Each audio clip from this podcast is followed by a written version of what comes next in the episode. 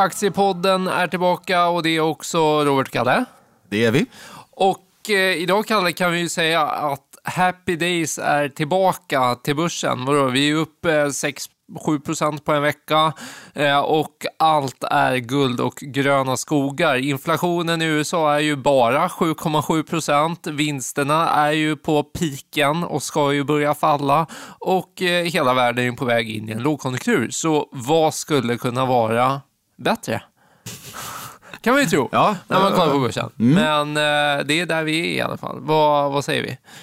Inflationssiffror kom idag när vi spelade in här igår för er lyssnare. Precis, så att vi, klockan är kvart i tre, inflationssiffran kom för en kvart sedan. Och vi ser hur börsen är upp 2,5 procent. Eh, och det mest räntekänsligaste går ju starkast. Vi ser fastighetsaktier, vi ser tillväxtaktier. Jag såg här att Kinnevik var upp 7,5 procent på storbolags, eller på OMXS30. Härligt. Eh, den har vi i portföljen, ja. Just det. Och ja, det är klart att marknaden drar en lättnadens suck av det här och tänker att eh, nu minsann kan Fed släppa på den där bromspedalen lite snabbare än vad vi var rädda för. Och eh, räntor faller, dollarn faller och börsen stiger. Ja. Så, så kan man väl kortfattat summera rörelserna. Eh, jag tror framförallt att det var kärninflationen som kom in eh, betydligt lägre än förväntat, vilket gladde marknaden lite extra mycket. Vi får se när USA öppnar, det har de inte gjort än när vi pratar här. Men eh, vi kan väl räkna med ett glädjeskutt där också. Och ja, någonstans nu, marknaden, det ska ju bli väldigt intressant det här tycker jag att se att nu, nu har det varit väldigt mycket fokus på, på räntor. Vi har inte brytt oss särskilt mycket om den här vinsttappet eh, som vi alla väntar på hos bolagen någonstans, vi, vi, vi vill se en svag ekonomi för att då ska centralbankerna sluta höja räntan, för då vi vill ju se en topp i styrräntorna. Samtidigt så kan man väl också räkna med att om vi får en svag ekonomi så kommer det såklart spilla över på bolagens vinster i slutändan. Så hur mycket ska de då falla och hur svag ska ekonomin gå? Och varför börsen är så glad nu tror jag är för att man känner att sannolikheten har ökat för att vi undviker någon typ av hårdlandning det kanske blir en lite mjukare recession. Vi är inte i recession så länge. Eh, där någonstans tror jag att marknaden befinner sig just nu och därför har den gått upp 15 procent på en månad. 15 procent var det faktiskt exakt. Jag satt och tog fram okay. siffrorna när du pratade. Det var sjukt imponerande. Ja. Jag blev alldeles ja. chockad. Eh, men eh, vi är upp 15 procent. Har vi sett botten då? Ja, nu det här, ja det, ja, det tror jag faktiskt. Ja, men, ja, men det tror jag faktiskt. Jag trodde att du skulle säga tvärtom, så ja. tänkte jag säga att jo, men vi har sett botten. Ja, men jag tror, vi ska inte gå spikrakt uppåt, men jag tror inte att vi ska sätta nya bottnar. Det tror jag inte, uh, faktiskt. Nej, och en stor anledning till att det känns som att vi har sett botten är ju att det, det känns som att folk tävlar i media om att säga att det kommer nya bottnar inom typ en vecka. Mm. Eh, och då brukar man någonstans ha sett botten. Alltså ja. Det är ju någonstans när det, är så här, det, är, det här är tillfälligt hack i kurvan, ja, men då ska vi ner en bra bit till. Men när det nya bottnar kommer, ja men då vänder det. Ja. Jag, jag tyckte det var exakt samma sak i pandemin, mm. uh, vilket såklart är naturligt för att det är det som styr sentimentet. Ja. Men, uh, Nej, för det ska ju tilläggas, det är ju väldigt många röster där ute som pratar om att det här är ett björnmarknadsrally.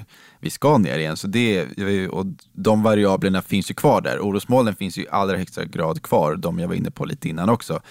Så att jag ska inte ja, nu, är det, nu är det en gissning, men vi vet ju att centralbankerna har en väldigt stor inverkan på på, på de finansiella marknaderna och därför blir ju just de här signalerna så himla viktiga. Så, att, så får vi se. Nästa inflationssiffra kommer dagen innan nästa Fed-möte. Så det är också lite spännande. Det är väldigt spännande. Och, men just det här, vi vet ju att eh, makron alltid eh, går långsammare än börsen. Börsen vänder mm. alltid först mm. och det är kanske är det vi har sett nu. Vi hoppas på det, kort och gott. Ja, och börsen brukar ju framförallt den, den, leder ju alltid, om vi säger nu att vinsterna ska ner så har ju börsen vänt upp långt innan vinsterna har bottnat. Ja. Men frågan är om vi är där än, vi har fortfarande inte sett vinsterna ens börja falla känns det som. Om man tittar brett på, på index. Så. Det är tudelat. Så är det och vi är nog precis någonstans där. Jag, jag såg en intressant graf här igår bara på eh, eh amerikanska förväntningar på vinsten i S&P 500. Mm. Än så är lite aggregerat. Mm. Och i, börja, I början av sommaren, så det var ju inte särskilt många månader sedan, då låg vinstförväntningen i Q4 på 9% tillväxt eh, mm. year on year. Eh, och nu ligger det på minus 1% Så då, ja, då... Har, börjar vi ju faktiskt mm. se mycket lite, men ändå fallande vinster. Och då ska man ju mm. också säga att vinsterna i de första tre kvartalen har varit stigande, så fallet sekventiellt mellan Q3 och Q4 det är ju ännu större. Mm. Ja, så um, en spännande börsmiljö.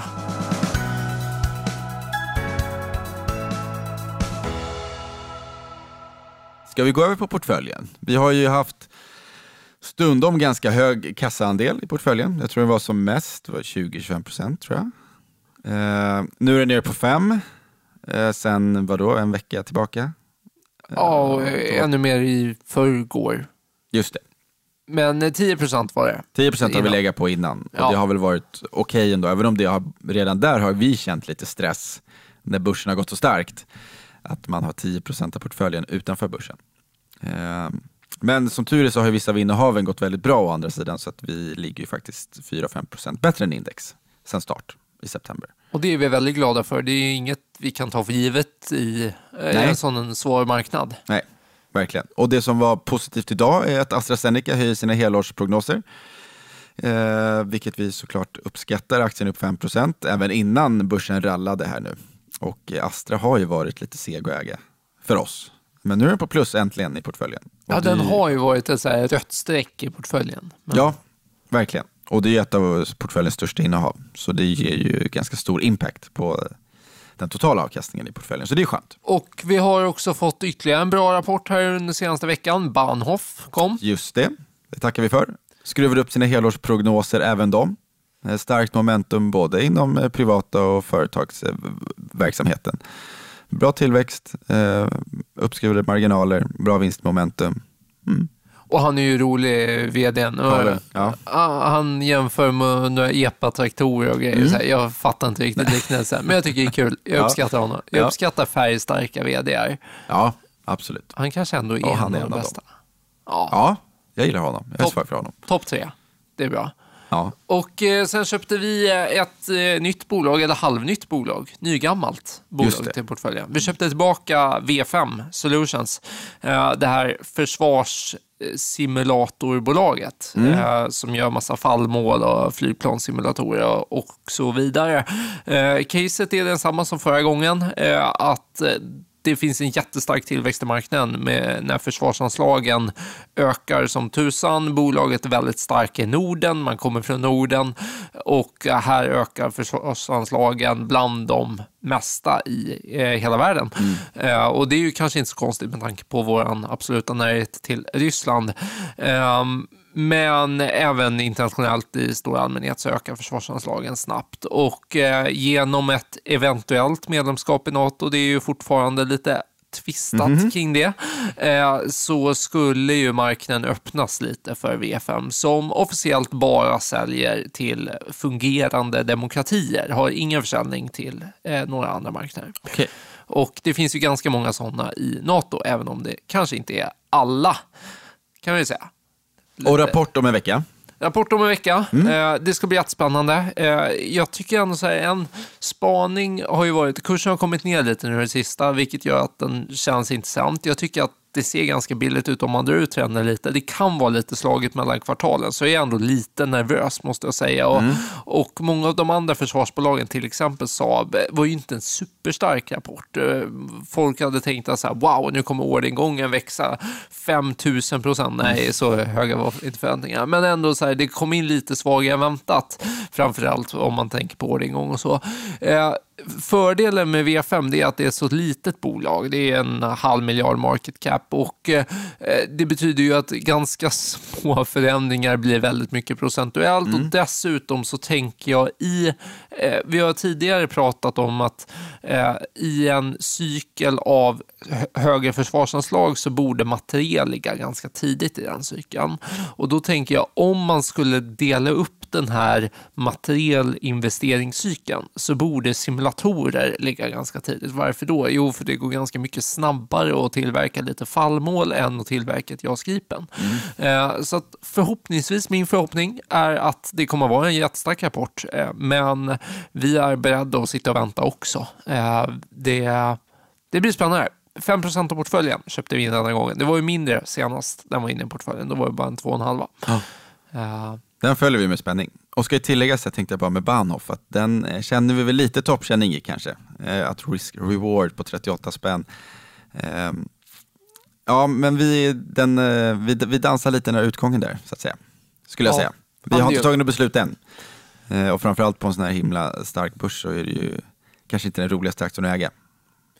Så att om vi ska tillämpa lite momentumstrategi så kanske vi ändå ska... Vi, vi har fått en hyfs, hyfsat fin utveckling i den för att vara en så, så pass stabil aktie. Jättefin utveckling och det kan man ju säga om fler bolag i portföljen att vi har ju köpt mycket värdebolag mm. där vi ändå identifierat vad vi uppfattar som en ganska tydligt begränsad nedsida mm. och eh, så har vi ridit ganska bra eh, på den vågen men eh, den kommer ju inte springa 100 procent, inget av de bolagen. Eh, så att det är klart att vi kikar på potentiella andra investeringar mm. också. Ja.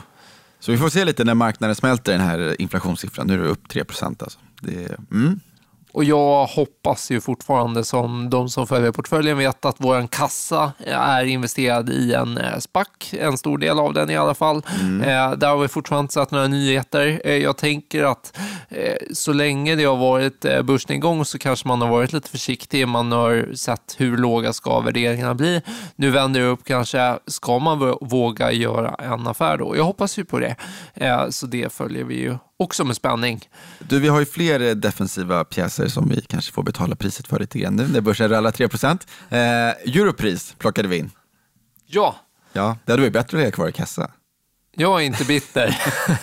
Eller vad är det man säger? Eh, lite bitter. Lite bitter. Eh, ja, eh, så har det varit. Eh, jag tycker fortfarande det är ett jättebra bolag. Europris, mm. för de som inte kan bolaget, är ju verkligen så här, Norges Ö och B. Eh, inte bara för att eh, de har ett inköpssamarbete tillsammans med ÖB och eh, finska Tokmanni som också är börsnoterade, eh, vilket avslöjar om att det är samma produkter i butikerna, men också för att de försöker köpa upp eh, svenska ÖB. Så att det håller verkligen på att bli eh, ÖB. Ehm, men, eh, men Europris de har en massa butiker i Norge, säljer ju den typen av varor. Det är ju lite blandat. Dels är det lite som liknar mat och sen så har de ju lite så här parasoll och lite allt möjligt som de hittar billigt i Asien kort och gott. Och det här bolaget blev en jätte Eh, pandemivinnare. Det kan man ju kanske först inte tro, men det, de lyckades ändå få sina produkter från Asien och eh, många var hemma, eh, många såg efter hemmet och hade lite mycket pengar på fickan att spendera kort och gott. Och dessutom eh, så blev de en stor vinnare på att gränsen mot Sverige var stängd, så det blir ingen mm. gränshandel. Och vad gör man då när man inte kan köpa billigt i Sverige? Jo, då försöker man köpa billigt i Norge och Europris är ju lågprisalternativet vi tror väl lite att detta kan vara ett spännande bolag att äga in i en lågkonjunktur. Eh, för att eh, då kanske konsumtionstrenden vänder lite från lite mer premiumvarumärken till lite mer lågpris. Och det är ju exakt där Europris är positionerade. De har växt omsättningen 30 år i sträck, så ingen e-, effekt egentligen av finanskris och sånt tidigare. Just för att, ja, men man kanske spenderar lite mindre per hushåll, men fler går till lågprisaffärer. Bolaget handlas kring eh, P11 på nästa år. Och eh, det, det är en himla skillnad mot Axfood exempelvis. Ja, det är det ju. Högre direktavkastning också om jag inte missminner mig. Ja, här pratar vi 5,5 procent mm. mot vadå? 3 2,5, 3. Ja. Mm. ja. Eh, så det är ju verkligen så. Detta är ju som ett Axfood, det är ju inte riktigt samma produkter, men jag skulle vilja säga att det är samma karaktäristika någonstans, mm. vilket mm. är väl det som är intressanta, men till inte en orimlig värdering. Och det är ju alltid kul när man köper aktier och inte köper till en orimlig värdering. Det gillar vi. Och eh, P11, nej absolut kanske inte det billigaste man kan hitta på börsen. Det är ju inte en hög tillväxt här.